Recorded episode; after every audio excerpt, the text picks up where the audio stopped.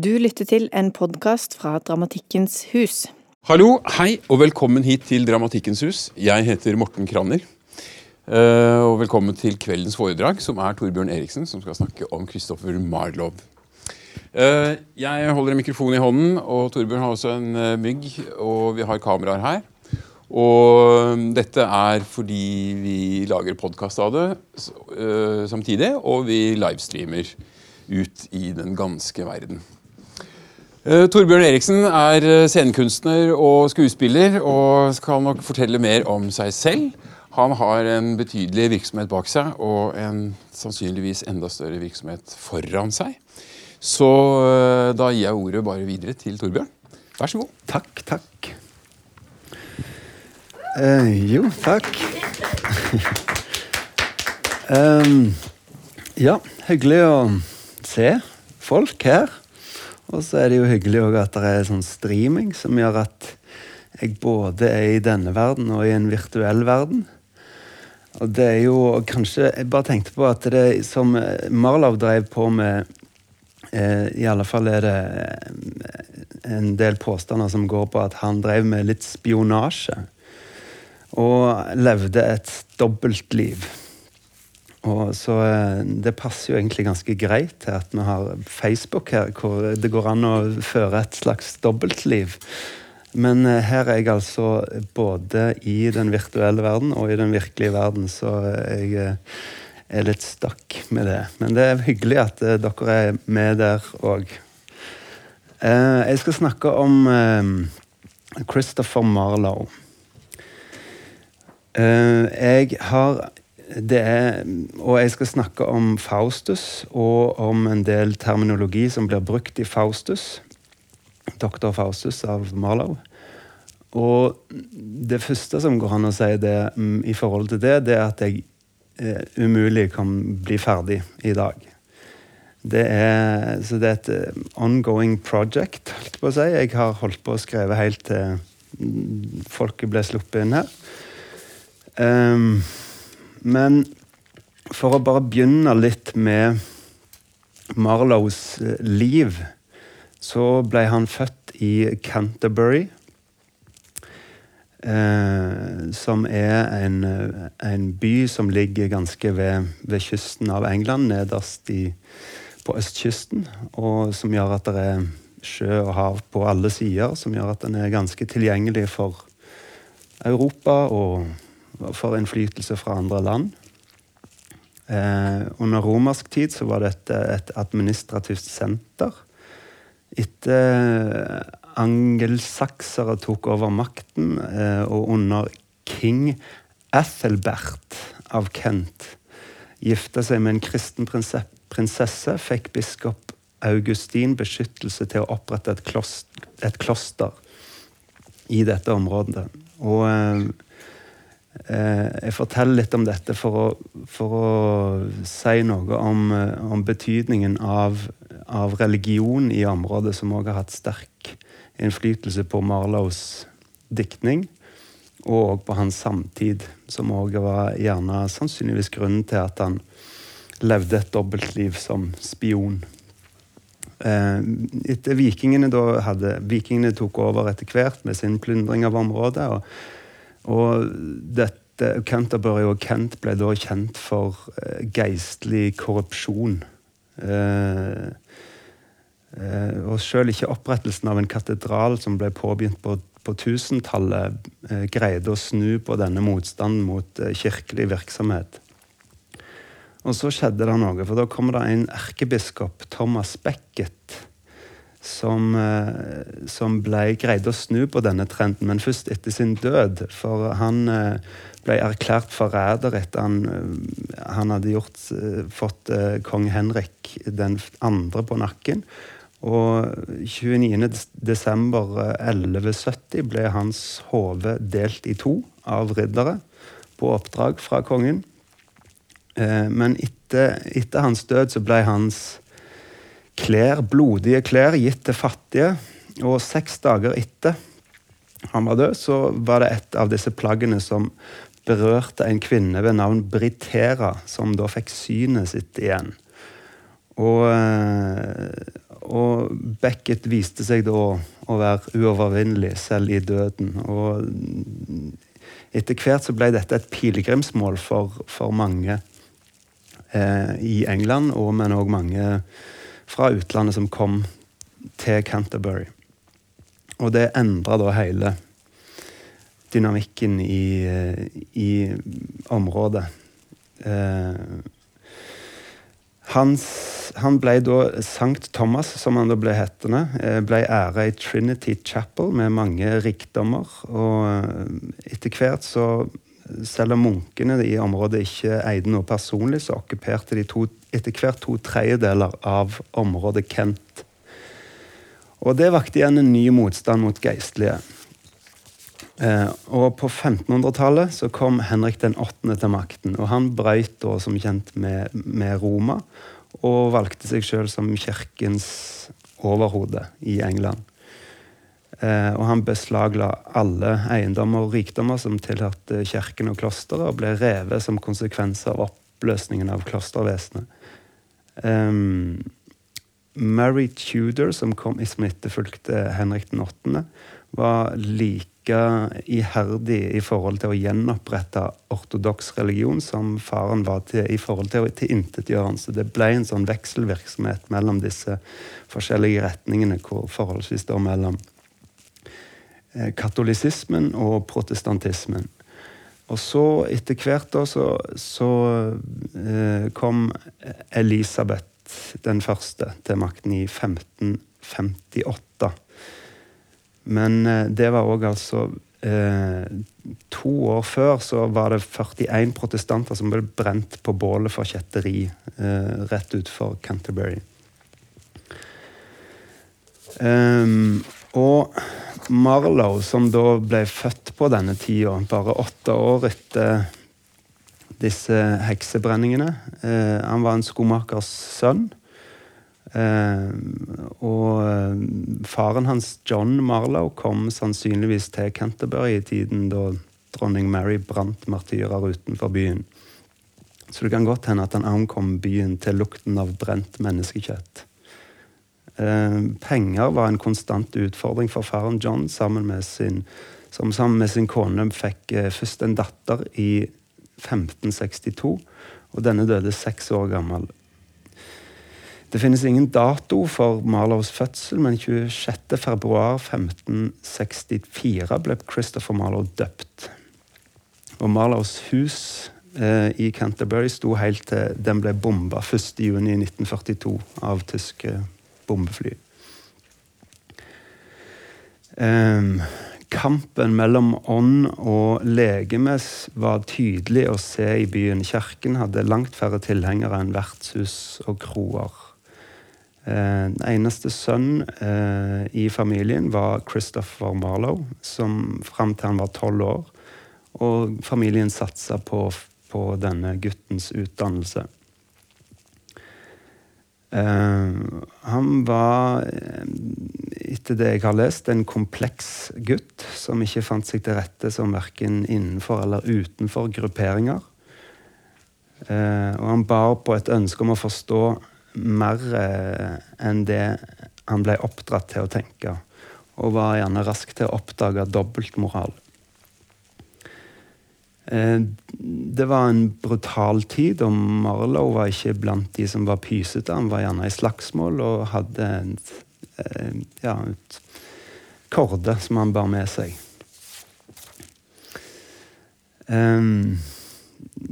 Det var en tid hvor, hvor velstand unnskyldte velstand, og makt bøyde seg for makt, og korrupsjon var utbredt, og religion var en sterk politisk faktor.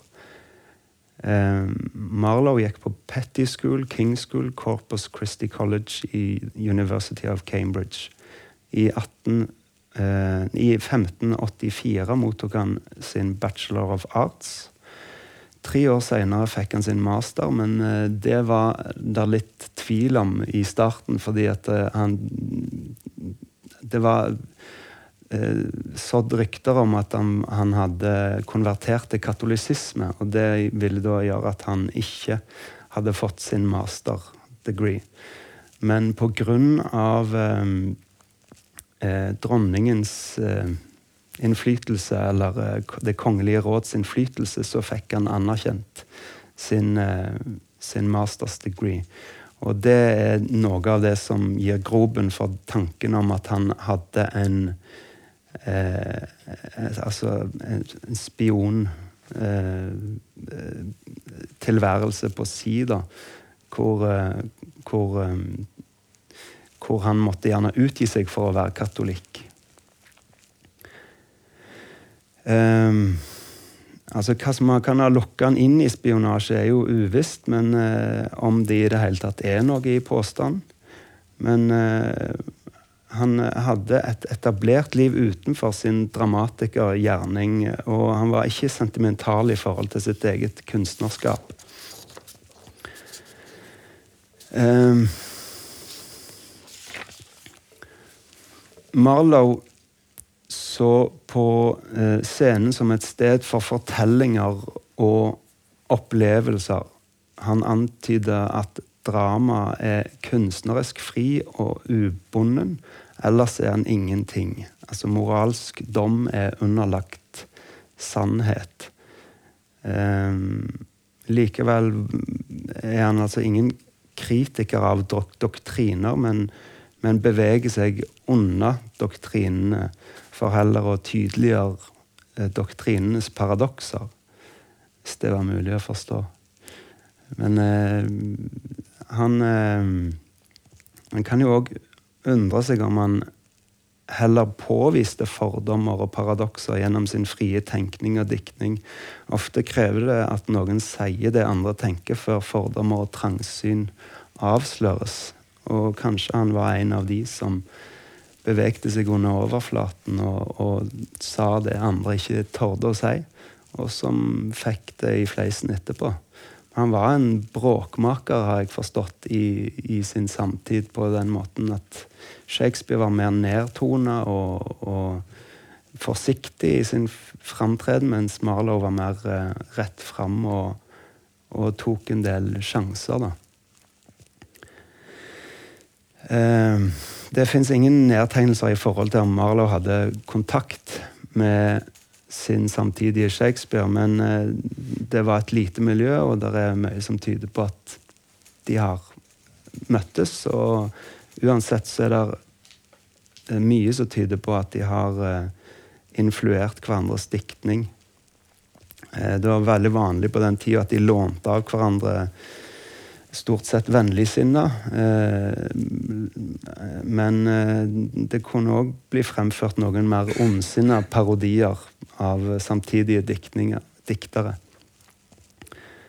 Um, Marlow var ikke den første som, uh, som, skrev på blankvers, men han var absolutt en av de som, som ga mer nytt liv til, til den formen.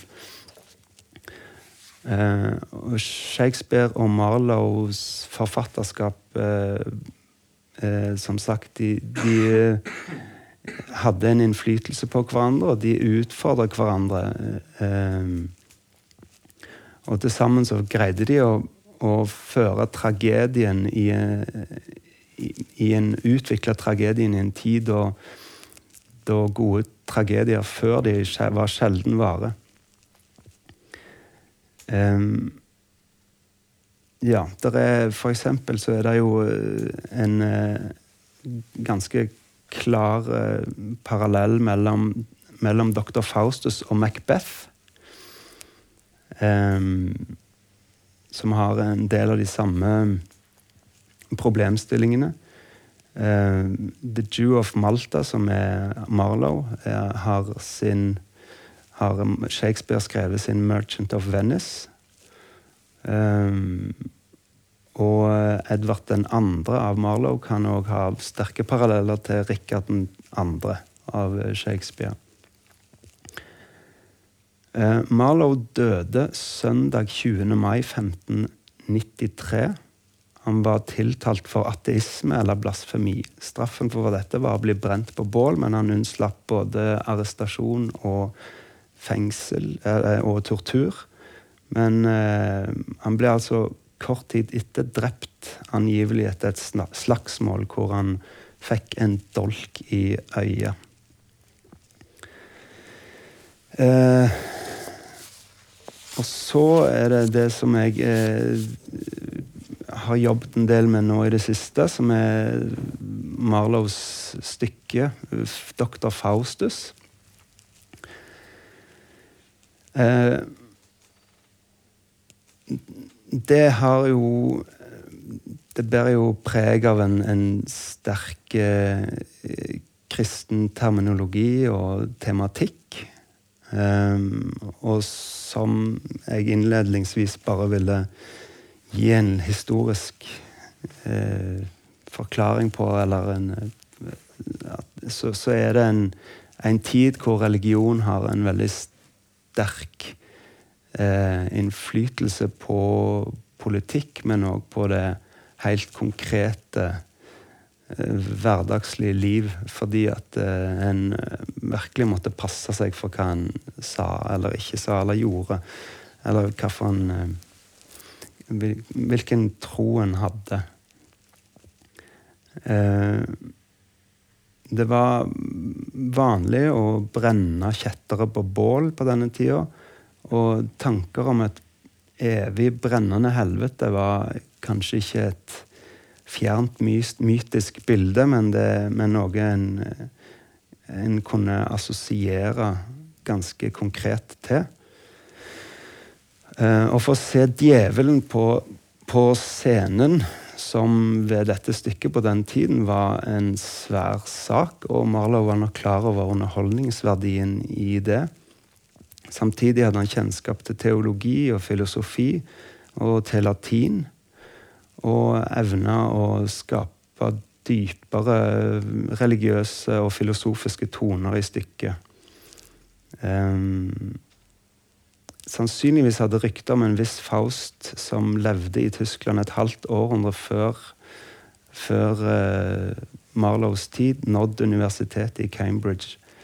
Um, det er lite som er kjent om denne Faust, men uh, den har uh, overraskende nok et forferdelig rykte. han ble kalt den store sodomitt og åndemaner og djevelens stinkende dass. Og, og levde sannsynligvis som en eh, kvakksalver. Uh, uh, Marlow skrev altså Hva som er skrevet av Marlow, er det òg et veldig sånn mye skriverier om. Og det finnes jo en A-tekst og en B-tekst av dr. Faustus. Um, Sannsynligvis så er A-teksten nærmest det eh, Marlow sjøl skrev, men i begge tilfeller så finnes det eh, tillegg eh, som er kommet av andre forfattere eller skuespillere som har tilført noe for å øke underholdningsverdien, eller fordi at det passet bedre til deres overbevisning osv. Eh, i prologen så fordømmer eh, allerede koret Fausts liv på et slags ortodoks, men allikevel et fornuftig nok vis. Eh, ved å, men ved å gjøre dette, så, så kan en òg si at, at publikum òg blir invitert til å gjøre opp sin egen mening. Ved at en allerede har fått en dom, så kan en begynne å tenke litt fritt etterpå. Um, Faustus selger jo da som sagt sin sjel til djevelen i bytte mot 24 års ubegrensa verdslige muligheter. Um, selv om Faustus riktignok har en god del tvil i forhold til sitt valg, uh, så er det at han er fordømt fra starten av, det, det, det, gjør, gir, det gjør han en, om til en slags løs kanon. Som gjør at han kan fyre i alle retninger. Han kan anklage både Gud og djevel for, uh, for inkonsekvens. Og det gjør òg at uh, Faustus kan ha vært et redskap for å avdekke en dobbeltmoral eller en, uh, en, en blant datidens teologer en inkonsekvens i deres uh, doktriner. Um, det er en replikk fra stykket som, som kommer fra den gode engel eh, til Faustus, som eh, sier 'tenk på Gud og frelsen'. Eh, og det kan være at det avdekker et problem som kan være årsaken til Fausts forakt mot religiøse anliggender. Nemlig eh, hva vil det si å tenke på Gud? Eh, når den onde engel rett etterpå oppfordrer han til å tenke på rikdom, blir valget for Faustus lett. Men det der fins allikevel en ironi i Faustus' neste replikk, som heter 'På rikdom'. Godt hele verden blir min eiendom når Mefistofeles vil stå meg bi. Nå truer ingen farer, Faust er trygg. Kom Mefistofeles og bring meg gledesbud fra Lucifer. Det fins en slags skjebnes eh, avmakt òg i det, som, eh, som, gjør at det er en eh, en dobbel, Det kan være en dobbel betydning i, i hans uttalelse. Um, hva Marlow sjøl tenkte om terminologien han sjøl brukte, det vet han ikke. Men han skisserer opp en dualistisk idé over vår menneskelige tilværelse. Um, Faustus har problemer med å forholde seg til Gud. Uh, kanskje fordi hans ambisjoner går i en annen retning. Eh, kanskje fordi Gud er et luftig begrep med lite materiell substans. Hva er Gud, og hva er djevelen eller Lucifer? Eh, disse spørsmålene blir jo ikke besvart i stykket, og eh, selv om Faustus har en eh, tvil i forhold til hvorvidt det fins et helvete og diverse, så, så, så tar han allikevel imot de goder som, som Lucifer eh, tilbyr, ut, eh, samtidig som han benekter konsekvensene det kan få. Så det er en han, eh, det er, det er, en slags inkonsekvens som ikke er lett å, å finne helt ut av. Uh, en kan derfor lure på om Faustus' motstand mot tanker om Gud kan være motivert av en tankegang som er, er dypt rotfesta i vår eh, materielle, konkrete virkelighet. Um, men hans nonsjalante holdning gjør, også, gjør han òg til en slags uredd helt. Noe som eh, sikkert har vært til bry for eh, dogmatiske teologer i Marlows samtid. Um, de fleste religioner hevder at dualisme er en uunngåelig del av vår eksistens. Uh, de fleste har djevler eller et mørke som kontrast til Gud eller lys. Um, mange filosofer har vært inne på tanken om at vår jordiske eksistens er en illusjon. I hindufilosofi kalles denne illusjonen for maya, eh, som har til hensikt å villede mennesket til å vekk fra forst en forståelse av eh, å se oss sjøl i sammenheng med noe guddommelig eller til å kaste bort vår arv som sønner eller døtre av Gud. I kristen terminologi kalles denne destruktive kraften for Satan. Djevelen eller diabolos betyr anklager, bakvaskelser, men kan òg forstås som den som kaster hit og dit. Eh, motsetningen til diabolos er symbol, altså den som forener. Eller det som forener. Eh, et stort problem med religiøs terminologi er at eh, det opp gjennom historien har blitt eh, utnytta til gjerne materielle formål og oppnåelser. Eh, og som på den måten òg eh, slår bein under hele, hele utgangspunktet, som handler om noe som ikke nødvendigvis er materielt.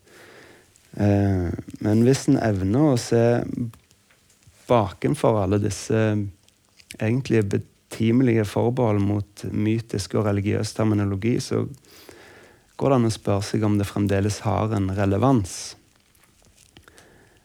Eh, dualisme er uansett en forutsetning for all jordisk eksistens. Eh, for at lys skal ha en realitet, må mørket eksistere som en motsetning. Eh, kanskje òg dette gjelder krefter og mekanismer som utgjør eh, som utgjør paletten for vår menneskelige eksistens og våre erfaringer. Eh, vi har gjerne hørt eller opplevd som mennesker mye eh, vondt som, eh, som har eh, gitt oss et syn på verden hvor vi setter pris på livets eh, små lyspunkt.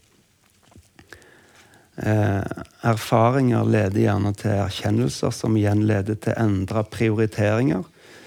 Som igjen eh, leder til et endra livssyn. Og selv om eh, vanskelige eller vonde opplevelser eh, nok aldri vil være noe mennesket dypest sett ønsker å oppleve eller å velge, så kan det likevel lede oss dypere inn i eh, en sannhet og i et nærvær av livet.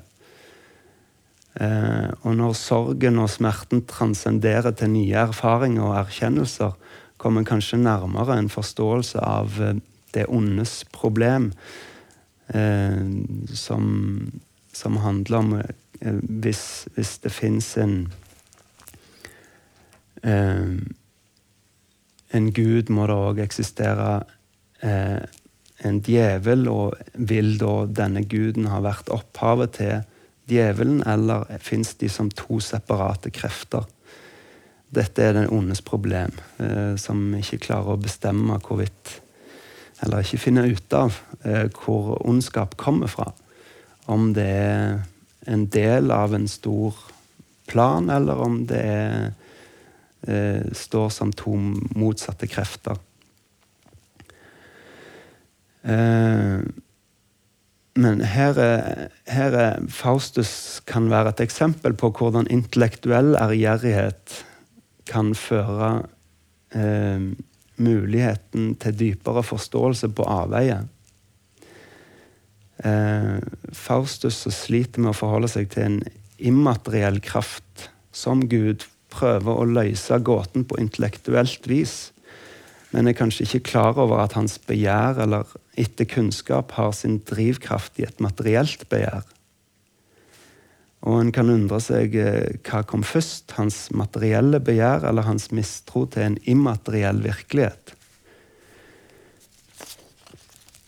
Eh, nå er det ikke min hensikt med dette foredraget å bevise den immaterielle virkelighetens realitet, men jeg slår gladelig et slag for viktigheten av å akseptere den som en mulighet.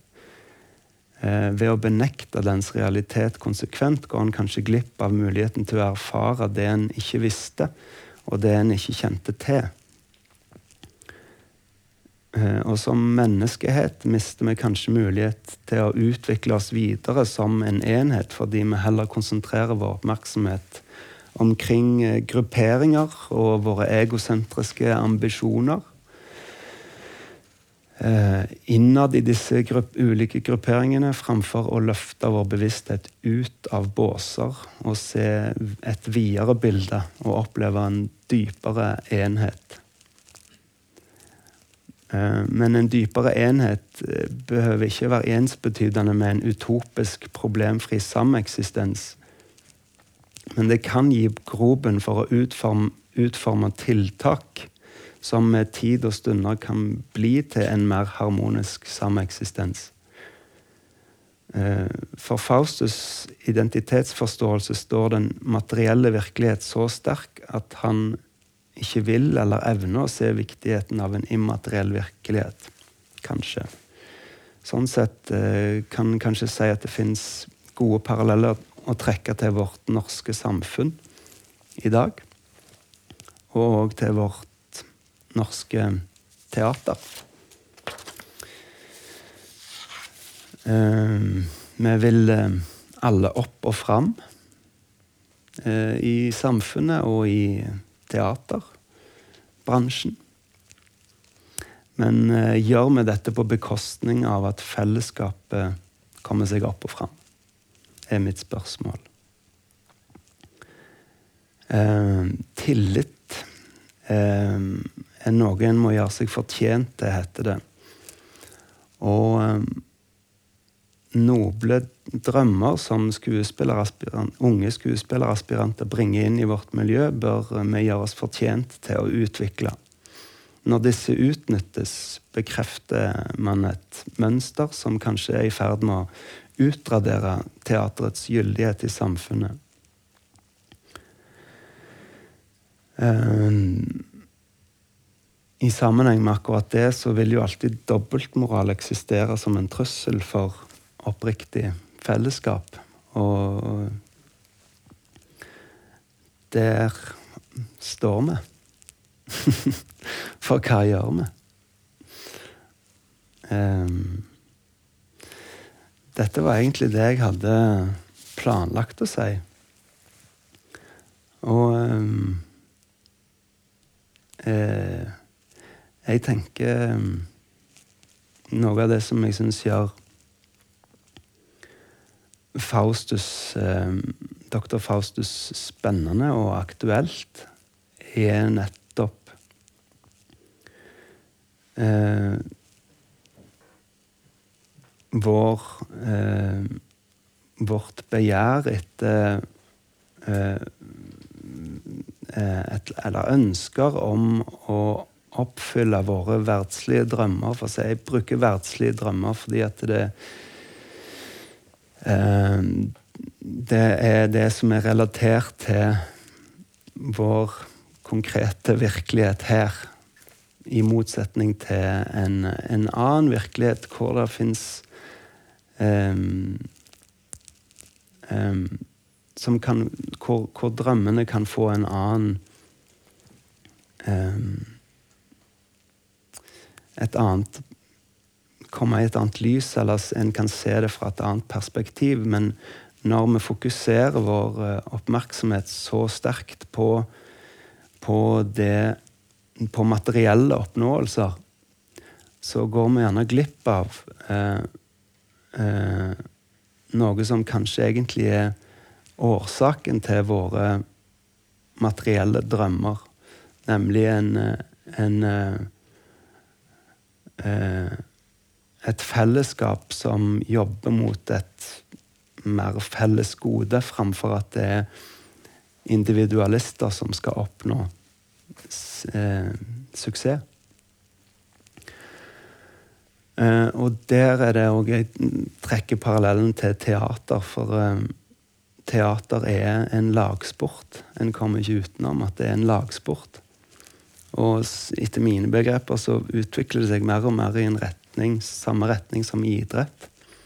Eh, hvor eh, eh, lagånd og lojalitet er veldig fraværende. Og, og, og, det tror jeg på sikt vil være med på å gjøre teatret dårligere, rett og slett. Eh, eh, eh,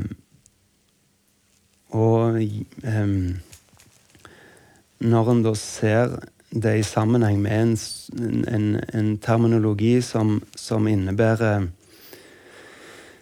eh, Det er jo nesten et banneord å si Gud, men, eh, men eh, guddommelige tanker eller, eh, eller ideer som overgår den helt konkrete virkelighet.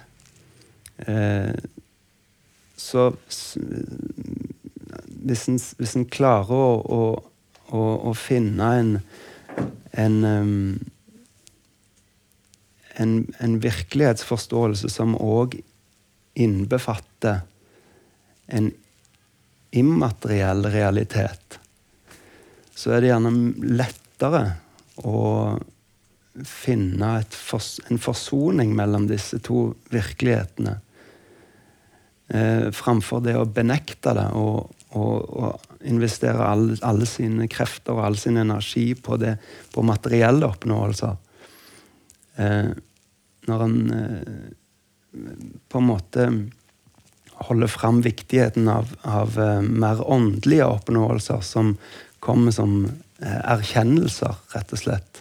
Som en tar med seg videre i sitt eget liv, og som er med på å uh, utvikle eh, ens empati, og som er med på å utvikle ens forståelse av hva lykke er, f.eks så kan det òg gi avkastning, for å si det, bruke et sånt et ord, eh, til materielle oppnåelser. Men gjennom at en ser det i et større perspektiv, så ser en at det går ikke an å, å rive det fra hverandre. Det, at en, en, ser at det er et For å oppnå eh, reell suksess og enda større suksess, så må en òg anerkjenne viktigheten av eh, fellesskap. Eh, og se på tillit og fellesskap som en ressurs. Eh, men sånn som ting utvikler seg med at ting må, må eh, gi avkastning i form av penger, da. Eh, eller i form av en personlig suksess, eller eh, Ja, så så vil en alltid eh, Så vil det alltid butte imot, da. Um, og det er noe av det jeg syns gjør det interessant å, å, å utforske eh, denne tematikken i nettopp eh, dr. Faustus, som går så langt som til å selge sin sjel til en eh, eh mørk drivkraft på et vis, da, som eh, i forhold til hindufilosofi settes i sammenheng med eh, maya, altså illusjonen. Illusjonen om vår tilværelse, den materielle virkelighet. Eh, for i, i Norge har vi en enorm velstand fått. Eh, og den gjør oss kanskje blind for å se de verdiene som ikke er materielle. Eh, og det er verdier som, som eh, viktigheten av tillit, f.eks., og, og um, ren og skjær medmenneskelighet. Um, Og det at det er så vanskelig å snakke om sånne problemstillinger, eh, viser jo òg at problemet er ganske stort. Eh, etter mine begreper. Eh, og, og, hvor en skal gå, det, det, det, vet jeg ikke. Men jeg hadde nå lyst til å bare si noe om, om de tankene jeg har tenkt på i forhold til Faustus. og og i forhold til den terminologien som blir brukt i Faustus eh, Ja.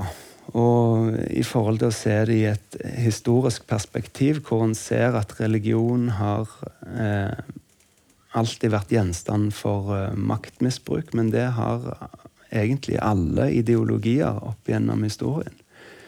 Spørsmålet er bare hvordan en forvalter det sjøl, og at eh, eh, Så jeg syns eh, Jeg syns det er Sjøl syns jeg det er mange paralleller å trekke. da. Jeg vet ikke hvor jeg er på tida, jeg, altså. Nå er den ti over? Åtte? Ok, så jeg har bare brukt 40 Men vi kan jo åpne for samtaler. og spørsmål. Ja, ja, ja, for all del. Sånn, Ja, ja. har noe på hjertet. Mm. Der var det allerede. Vær så god. Um, tusen, tusen, tusen takk. Det er veldig fint å høre på deg. Uh, hørte en sånn Hedda Du fikk jo en pris, en Hedda-pris, og da Nå opplever jeg at du har laget den, den siste delen av det du sa nå. Er jo også en videreføring av en del av de verdier altså Du gjorde jo en veldig sånn alvorlig tale til teaterfolket og sekta de og vår. da. Vi er jo noen av dem her òg. Kanskje ute i verden òg. Men jeg bare tenkte, jeg vet at Ole Johan Skjelbred var den som spurte deg om å komme hit. Vi har jo disse foredragene på tirsdager, og vi spør dramatikere. altså En dramatiker som Kate Pendry snakket om Johnny Rotten som dramatiker. Altså som tekstforfatter. Eh, og hadde et foredrag om det. Eh, jeg var nysgjerrig på om du du valgte Marlow og dette med en gang, eller hadde du dette inne? Skal du sette det opp? Skal du spille det, eller hadde du tre nei, andre jeg, jeg spiller nå Dr. Faustus eh, på eh, Deichmanske bibliotek. Eh, vi har vel en syv forestillinger igjen, er det det? Ja. Ja. Men det er Eh, fint. Dette er fint å vite for både oss som er her, og de som hører på. Ja. Mm. Ja, så det, det var egentlig det som var grunnen. Og så syns jeg òg at den tematikken er interessant. Um, det er jo Det er jo en Som jeg begynte med, så er det en ekstremt krevende tematikk som har, som har utrolig mange aspekter som ikke er mulig å, å få fram på en så kort tid. Eh, og um, ja.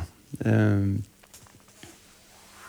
men um, det var altså grunnen til at jeg valgte det. Ja, men det er fint. Ja.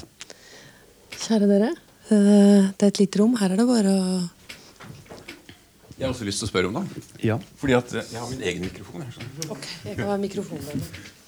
Uh, jo, uh, i sted så sa du at eh, Altså, jeg forstår jo, eller vi hører jo, det er veldig flott å høre den gjennomgangen av Marlow og av Faustos. Men du ender opp med å si at hvor du skal gå med dette hen, eller hvor vi, vi skal gå med dette hen, det eh, vet du neimen ikke, sa du til slutt i sted. Ok, ok, ja. Eh, og eh, på den ene siden syns jeg det er litt rart, fordi at eh, du, du på en måte handler på den innsikten du har ut fra både Malo og Faustus og den tematikken. Hva, hva mener du med å handle ut Nei, du, den du, dere spiller det jo. Du gjør noe med det. Altså, det, det, det Ja, er en sånn, aksjon ja. Ja. knyttet eh, Jo, jo. så ut fra innsikten. Ja, jo, jo, ok. Eh, og egentlig så vil jeg spør, stille deg spørsmål om, om, hvordan, om du kunne liksom zoome litt inn på akkurat det.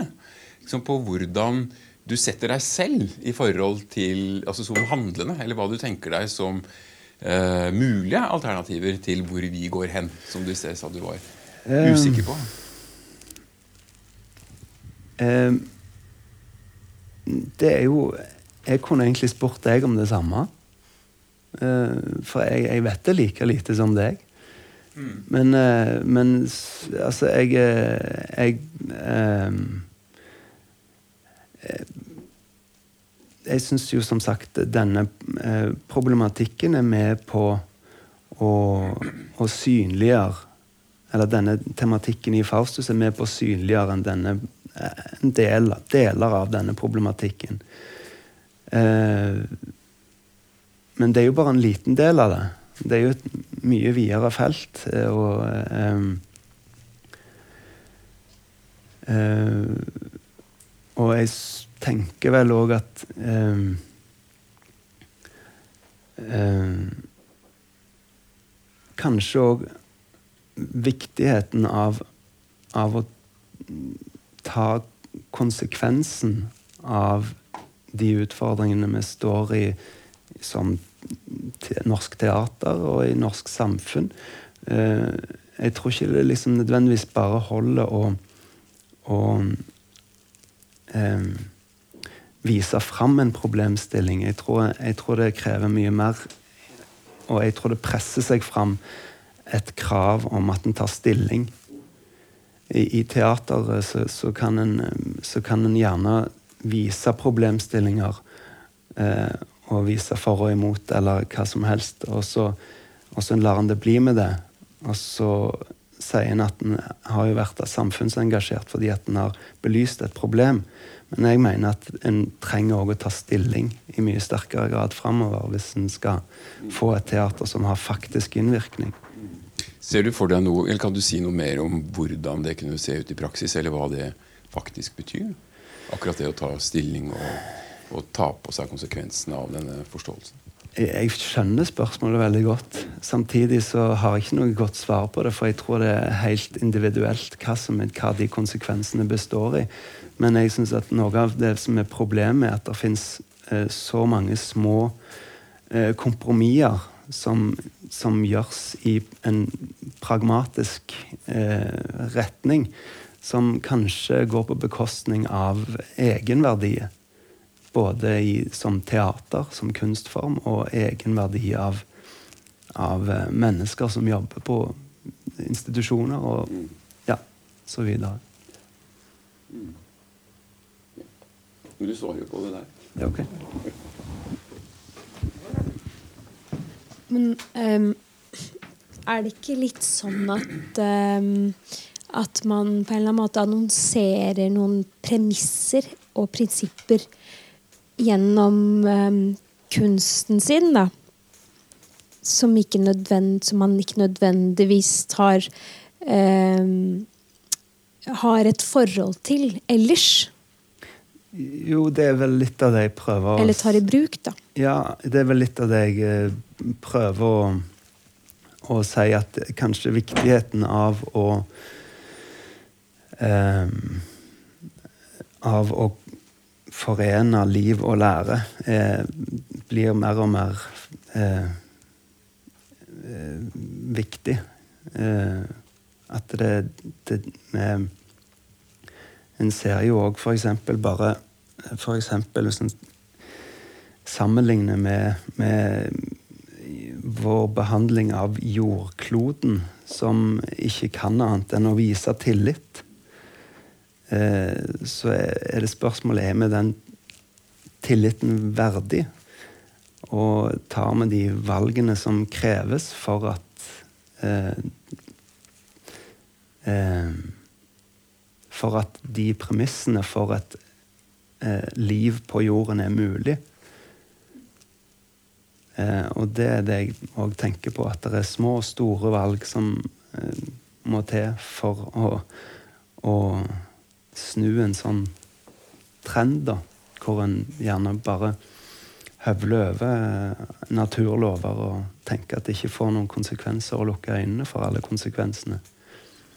Eller bare å finne at det er en, litt som at en belyser problemet, men en gjør ikke nødvendigvis noe med det. Jeg forstår at dette er ekstremt komplisert og sammensatt, men uh, mitt poeng er ikke å Mitt poeng er egentlig bare at jeg eh, ønsker å uh, ja, heve liksom, bevisstheten i forhold til akkurat disse problemstillingene hvor, hvor når det er så omfattende og sammensatt, så kan det være at det finnes sammenhenger som en ikke helt ser heller. Og dess mer en tar små eh, avgjørelser som er basert på å verne om noe framfor å bare å gå eh, og, og, og, gjøre det av mer pragmatiske, umiddelbare grunner, så kan det være at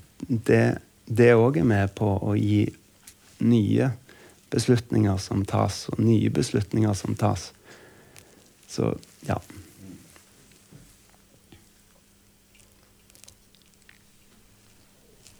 Da blir det siste ord. Takk. Okay. Mm. Da sier jeg takk til Torbjørn eh, Eriksen, til publikum. Takk til våre lyttere og seere. Og velkommen tilbake om 14 dager. Da er det Nå står det litt stille hvem det er om 14 dager. Om du flytter deg, for der er suffliplakaten min. Øyvind Berg kommer og snakker om Heiner Müller. Velkommen tilbake, da. Du har nå hørt en podkast fra Dramatikkens hus. Har du lyst til å høre disse foredragene live? Sjekk ut våre hjemmesider dramatikkenshus.no.